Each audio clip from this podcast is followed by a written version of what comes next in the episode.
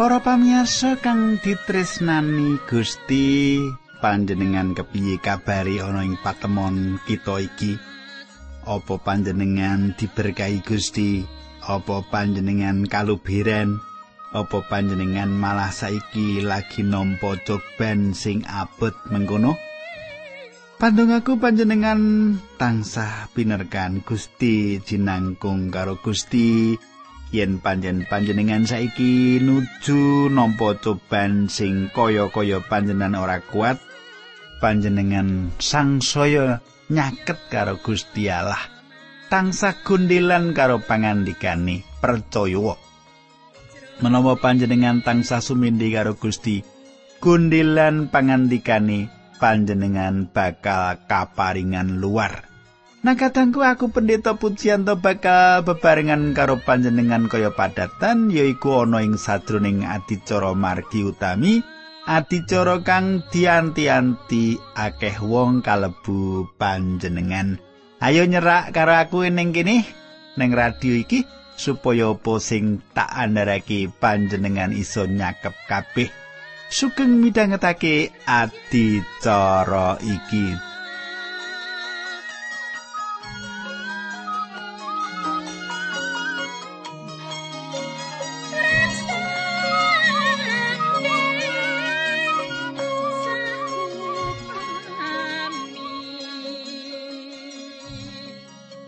Kadangku ing patemon kita kepungkur kita wis nyemak keterangan kegayutan karo korban pangruwating dosa. Banjur sebanjuri kepiye kita bakal nyemak ana ing patemon saiki. Awit Joko kuwi panjenengan ndak suwun bisa nyisihake wektu kanggo adicara iki, awit iki penting kanggo kawruh panjenengan. Nanging sadurunge tak terusake monggo kita ndedonga dhisik. Duh Kanjeng Rama ing swarga, Kawula ngaturaken kuning panuwun ingkang tanpa pami menawi wekdal menika kawula saged pinanggih malih kalian para kadang kawula ingkang setya tuhu midhangetaken adicara menika. Kawula kemutan dumateng para nem-neman ingkang samenika nembe nedeng-nedengipun pados pendamelan awit sampun lulus sanggenipun kuliah. Putra-putra paduka menika perlu dipun suwunaken dhateng paduka supados paduka maringi pakaryan pedamelan ingkang pantes ingkang saged kangge nyekapi kabetan keluarganipun. Linambaran asmanipun Gusti Yesus Kristus kawula nyuwun pitulunganipun Gusti wonten ing adicara menika. Amin.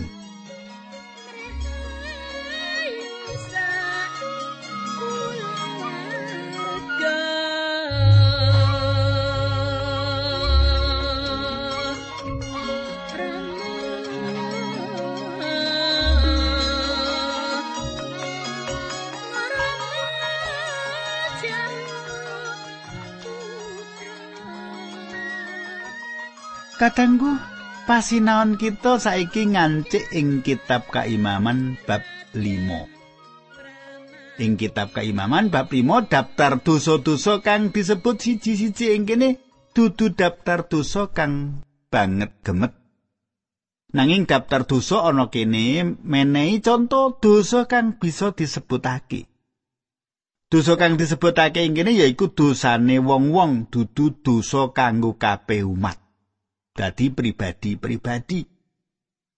Dadi kita nemokake kang dipentingake yaiku ing jinis sesausan, dudu ing watek wantu wong kang ngaturake sesausan dikaya ing sadroning pangruwating dosa. Saiki coba panjenengan semak ayat 1 bab 5. Panerak-panerak sing perlu disuwunake pangapura srana korban pangruwating dosa kuwi sing mengkene.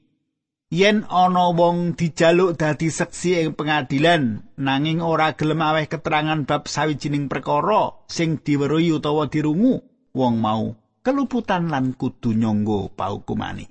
Katanggu dosa papat kang ditulis mligi ing kene mung minangka conto.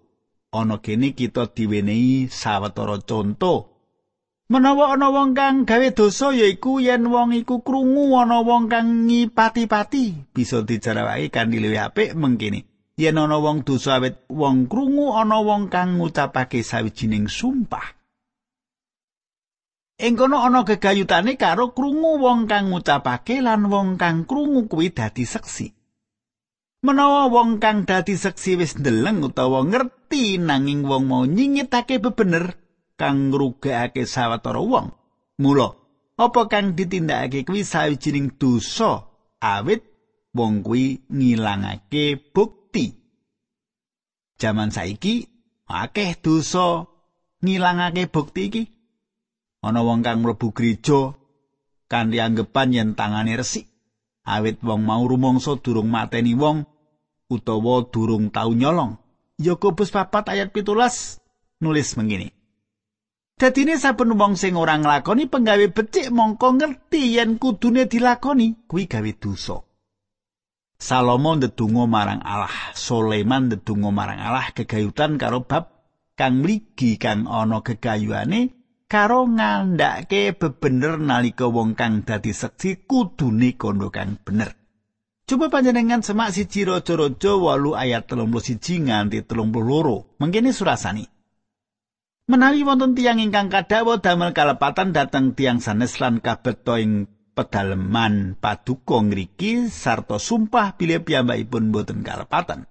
Duhalah Mugi paduka keparang miarsaken sarta mutusaken perkawisipun para abdi paduka menika mugi ingkang lepat paduka dawai paukuman timbang kalian kalepatanipun sarta ingkang boten lepat kaluwarana. Sumitraku ing bab ulang bebasan 617 kita nemokake sawijining daftar perkara-perkara kang disengiti Gusti Allah lan ing daftar kang isine pitu dosa iku kita nemokake apa kang disebut dosa ilat cidro. Gusti Yesus kendel wae nalika ditakoni ing pengadilan kang ngadili panjenengane. pancen diceritakake marang kita panjenengan tetep kendel wae. Nanging nalika panjenengane ke bawah sumpah, panjenengane wiwit ngendikan. Nalika iku panjenengane ora meneh kaya anak wedhus kang bisu ing ngarepe kang nyukur wulune. Matius 16 ayat 6 telu nganti 64, swidak telu nganti 64. Mengkene surasani. Nanging Gusti Yesus kendel wae Imam Agung banjur ngendika meneh demi Allah kang gesang Saiki kowe kondo marang aku nganggo sumpah apa kowe ngaku yen kowe kuwi Sang Kristus putrane Gusti Allah? Gusti Yesus ngendika, "Inggih, leres.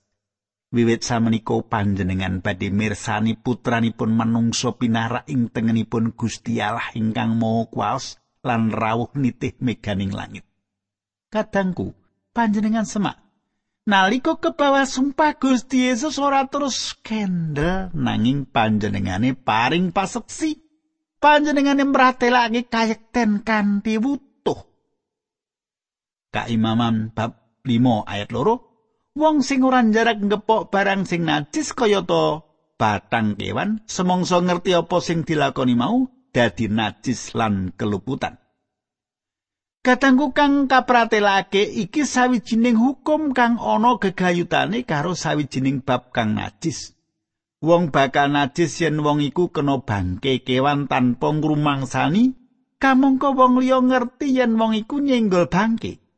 Kewan kang dadi batang disenggol wong, wong kang nyenggol kuwi dadi najis. Kenapa? Bisa uga iki kanggo alasan kesehatan. Perkara iki uga meratelake bab wong Kristen ing jaman saiki. Wong Kristen ing jaman saiki kita ora bisa metu ing jaket tanpa dadi najis awet kita ndeleng akeh perkara. Krungu sambu barang kalir lan uga mikirake perkara kang akeh. Kita dadi najis. Malah kita dhewe ora ngrumangsani yen kita iki wis gepok singgol karo sawijining perkara kang najis. Bab kang najis. Bisa uga kita ora weruh nganti kita ora ngrumangsani. Nanging kita ora kena inggal-inggal sowan ring Allah sadurunge kita dadi suci. Awit saka iki ing Jabur Mazmur 19:13 meratelake mengkini. Sinten ingkang saged nyumerepi kalepatan ingkang dipun lampahi? Mugi kersa nglebur kalepatan kawula ingkang boten kawula jarak. Kadangku kita ora mung kudu ndedonga kanggo nyuwun pangapura kang sipate umum, nanging kita kudu nyebutake kegagalan kita secara mligi marang Allah lan nyuwun pangapura marang panjenengani. Nanging luwih saka iku kita uga kudu ndedonga nyuwun pangapura atas dosa-dosa kang kita tindakake kang kita ora rumangsa kala-kala kita dadi najis lan ora ngrumangsani. Ayat telu Kaimaman bab 5 wong sing ngepok barang najis sing asale saka manungsa sumangsa ngerti apa sing dilakoni mau dadi najis lan keluputan kadangku iki member karo perkara kewan kang najis. Nanging alam bedake antarane kewan karo manungsa hukuman kanggo dosa iki luwih abot tinimbang ninggol batange kewan. Cetha ana bedane kang siji saka najise kegayutan karo manungsa kajaba saka pati. Ayat papat bab limo kitab kaimaman. Wong sing sumpah tanpa dipikir bab apa sing dikandhakake semasa ngerti apa sing dilakoni mau dadi najis lan keluputan katangku tembung kang sembrono kalebu ing conto iki kala-kala kita duwe janji nindakake sawijining perkara lan sebanjure kita ora nindakake kita janji yen kita bakal lados marang Gusti Yepta sawijining conto babagan iki. Dheweke duwe janji nindakake sawijining perkara kanthi kesusu yaiku gawe sesausan nganggo anake wadon. Simon Petrus kanthi wani meratelake yen dheweke ora bakal nyingkur Sang Kristus. Dheweke rila dadi korban kanggo belani Gusti Yesus ing sajroning nyanyian-nyanyian kita. Kita janji bakal ngaturake kabeh kang dadi darbek kita marang panjenengane. Rila korban kanggo panjenengane. Kadangku manut aku kita rada kebablasan. Yen kita mbudidaya nuntut sawijining jawaban atas donga-donga kita saka Allah. Kita perlu tansah eling yen donga-donga kita kudu selaras karo kersane. Menawa kita nyuwun selaras karo apa kang dadi kersane, panjenengane Gusti Allah bakal mirengake pandonga kita. Saiki ayat 5 lan 6 kaimaman bab 5. wong sing nglakoni perkara-perkara ing dhuwur mau kudu ngakoni lupute. Merga dosane mau, wong kuwi kudu saos korban marang Allah. Rupa wedhus gembel wadon siji utawa wedhus Jawa wadon siji, imam kudu nyaosake korban mau supaya dosane wong mau diapura. Sumitraku ngakoni dosa kang didhawuhake kanggo kang sepisanan. Panjenengan iling ing Yosua pitu nalika akan njupuk potongan emas lan jubah Babel. Pelanggaran kuwi kudu dirampungake ngarepe wong akeh awit patrap iku kalebu dosa. Nyelehake tangan ing pisungsung iya cetha iki sawijining patrap ngakoni dosa. Ing kene pisungsung kudu didhisake sawise kuwi lagi apa kang dipisungsungake. Kadangku manut aku ya iki kang ana ing sajroning penggali Gusti nalika Gusti khotbah ing puntuk kaya kang ditulis ing Matius 5 ayat 23 nganti 24 mengkene. Mulane yen kowe pinuju nyaosake bisungsungmu marang Gusti Allah, mongko kowe kelingan ana sedulur sing lara atine karo kowe. Bisungsungmu tinggalen ing sangareping mesbeh. Wong mau paranono rukuno dhisik karo dheweke yen wis banjur balio nyaosno bisungsungmu. Kadangku wong percaya ing jaman iki kudu ngakoni dosane marang Allah secara pribadi nanging dheweke kudu ngganti kerugian marang wong kang dirugekake. Kadangku sesausan panebus salah bisa tegese sesausan pangakon dosa. Kita dudu wong-wong dosa awit kita dosa. Kita dosa awit kita wong dosa kang duwe sifat dosa. Awit sesausan iki ditindakake kanggo sawijining patrap dosa kang meratelake salah siji saka akeh perkara sifat dosa. Mula ajining sesausane ora sagede korban pangruwating dosa ing bab papat.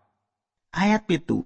yen wong mau ora kuat nyaosake wedhus gembel utawa wedhus Jawa kanggo nebus dosane kudu nyaosake manuk dekuku utawa manuk dara sejodo sing siji kanggo kurban pangruwating dosa sijine kanggo kurban hubungan kadangku kang dicethakake kurban panebus salah ora ana ing sifat utawa kalunggan kang ngaturake sesausan nanging marang kurban iku dhewe manuk perkutut loro manuk dara loro siji kanggo kurban pangruwat dosa lan sing siji kanggo kurban obaran obongan. Pribadi lan pakaryane Sang Kristus digambarake ana ing sajroning sesausane wong miskin. Iki sawijining sesausan kang diaturake saka wong miskin Sang Kristus nggelarake kabar kabungan marang wong miskin. Panjenengan gatekake perkara iku disebut minangka kurban pangruwat dosa awit dosa iku asale saka sifat dosa. Ayat 8 nganti 10 kaimaman bab 5 manuk-manuk mau kudu dipasrahke marang imam sing disaosake dhisik kurban pangruwating dosa gulune manuk mau kudu dipuntir nanging endase ora kena nganti pedhot Getih manuk mau kudu diciprat-cipratake ing sikile misbah kuwi kurban sing kudu disaosake supaya oleh pangapuraning dosa. Kadangku getih kudu disuntak senadan sirah manuk iku ora dipisahake saka awake. Ayat 10. Sawise kuwi imam lagi nyaosake kurban sing kapindho ya kuwi kurban hubungan miturut pernatan Kaya mengkono patrape imam oleh nyaosake korban kanggo wong sing nerak wewalare Allah lan Gusti Allah bakal ngapura wong mau. Wong dosa nampa pangapuraning dosa sakwute senadan dheweke mung bisa ngaturake manuk kang cilik, kabeh iku ngarah marang Sang Kristus minangka kurban. Ayat 11. Yen wong sing ngakoni panrak mau ora kuat nyaosake manuk, druk sajodo utawa manuk doro sajodo kanggo korban kudu nyaosake glepung sa kilogram. Glepung mau ora kena diwenehi lenga saitun utawa menyan mergo dinggo saos korban pangurwating dosa lan ora kanggo korban daharan. Kang paling mlarat. Saka wong mlarat ora ditinggalake Yen ana wong kang ora bisa nggawa manuk, wong iku bisa nggawa glepung gunggunge sak kilogram. Korban iki isih dianggep korban pengganti kanggo awake. Saiki ayat rolas nganti ayat 16 bab 5 kitab keimaman surasane mengkini. Gusti Allah paring dawuh marang Musa mengkini. Menawa ana wong sing tanpa dijarak gawe dosa mergo lali masrahake pisungsung wajib kagem Allah. Wong mau kudu nyaosake kurban dendo rupa wedhus gembel utawa wedhus Jawa siji lanang lan mulus tanpa cacat. Regane ditetepake miturut rega resmi. Wong mau kudu mbayar sing dadi wajibe ditambah rong puluh persen. Kewan mau kudu ditampakake marang imam lan imam kudu nyaosake kewan mau dadi korban dendo kanggo nebus dosane wong mau lan Allah bakal ngapura. Katanggu korban pangruwat salah iki ngutamakake bukti-bukti yen wis dumadi panrak hak ya marang Gusti Allah uga marang menungso. Patrap kang ngrugekake wong liya yaiku sawijining bab kang merlokake dandanan kang butuhake bukti. Perkara utamane kudu dipulihake ditambah karo sak proliman perangan. Bagian iki mesti kaya kang ana pikirane Sakyus nalika dheweke matur karo Gusti Yesus yen dheweke bakal menehake setengah saka bandane marang wong miskin lan balekake lipet kaping papat marang wong kang tau bandane dijupuk. Kaya kang ditulis ing Injil Lukas 19 ayat 8, dosa utama kang ditindakake ora sengaja katone ditrapake minangka wong kang ngerampok Allah ing gegayutane karo perpuluhan lan pisungsung. Kita nemokake meneh perkara iki ing kitab Maliaki telu ayat 8 lan 9. Apa bisa menungso ngapusi Allah kaya nggonmu ngapusi aku? Ewa semono kowe padha munjuk. Kados pundi nggen kawula ngapusi paduka? Ya kuwi ing bab nyaosake pisungsung pro sepuluhan. Mulane kowe kabeh wis padha kena ing paukuman ora liya merga saka nggonmu ngapusi aku. Kadangku Gusti paring janji marang wong-wong bakal maringi berkah menawa wong-wong mau ngaturake perpuluhan. Berkah kang gedhe banget kanthi mengkono nganti ora duwe papan kanggo nyimpen. Kadangku juru khotbah 5 ayat 5 ngilingake mengkini. Aja ngucapake tembung sing bisa dadi dadakane kowe tumiba ing dosa supaya aja nganti kowe kepeksa matur ing ngarsane imam yen kowe kliru. Srana mengkono kowe mung jalari paukumane Allah wae, mula panjenengane bakal ngrusak pegaweane tanganmu. Kadangku, kanggo sawijining panrak marang Allah sesausane kudu barang kang aji. Sesaosan kuwi kudu wedhus lanang. Perkara iki nggambarake marang kita yen mung Sang Kristus sang aji. Lumantar sesaosan iki ana pangapura kanggo wong dosa kang nindakake panerak kang ora kajarak, ora kasengaja. Saiki ayat pitulas nganti 19 yen wong tanpa dijarak nerak salah sijining wewalere Allah wong mau keluputan lan kudu dihukum. Mulane kudu nyaosake kurban dendo sing kudu ditampakake marang imam rupa wedhus gembel utawa wedhus lanang siji sing tanpa cacat. Ajine kudu ditetepake marang rego sing kanggo ing kemah suci. Imam nyaosake kurban mau kanggo nebus dosane wong sing keluputan maulan Allah bakal ngapura. Kaya mengkono mau pernatane kurban dendo supaya oleh apuraning dosa ing ngarsane Allah. Katanggu anggone ora ngerti hukum ora bisa dadi alasan. Sinatan kurang anggone mengerti hukum, anggone ngerti hukum, wong kang nerak hukum dianggap luput lan dianggap tanggung jawab. Sepisan maneh wedhus lanang diaturake minangka siji-sijine kewan korban kanggo korban penebus salah. Sesaosan iki ana ing sajroning tata urutan upacara selaras apa kang digarisake korban pangruwat dosa. Kadhepe ing sajroning nyiprati getih kang selaras apa kang wis digarisake korban obaran lan korban keselamatan. Kita bakal nyemak perkara iki kanthi gemet ing bab pitu mangko. Nah katangku kepiye sebanjuri panjenengan iki kita bakal nyemak ing sadroning ayat-ayat sebanjuri saka kitab kaimaman iki ana ing patemon kita sak teruse mula panjenengan kudu tansah ora ninggalake aku supaya ora ketinggalan saiki kita ndedonga bebarengan Dukan Rama ing swarga kawula sampun ngedum berkah kasukman dumateng sedherek kawula Supados Sang Rasa piyambak ingkang jarwaaken kanthi cetha dumateng sedherek kawula kanthi makaten saged nindakaken iman wonten ing lampah gesangipun.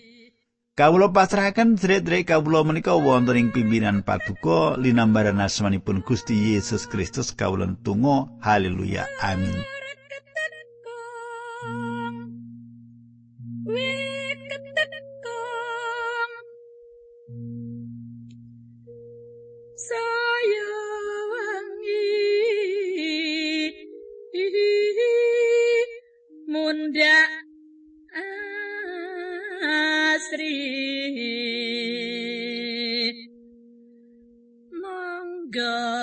Bapak kudu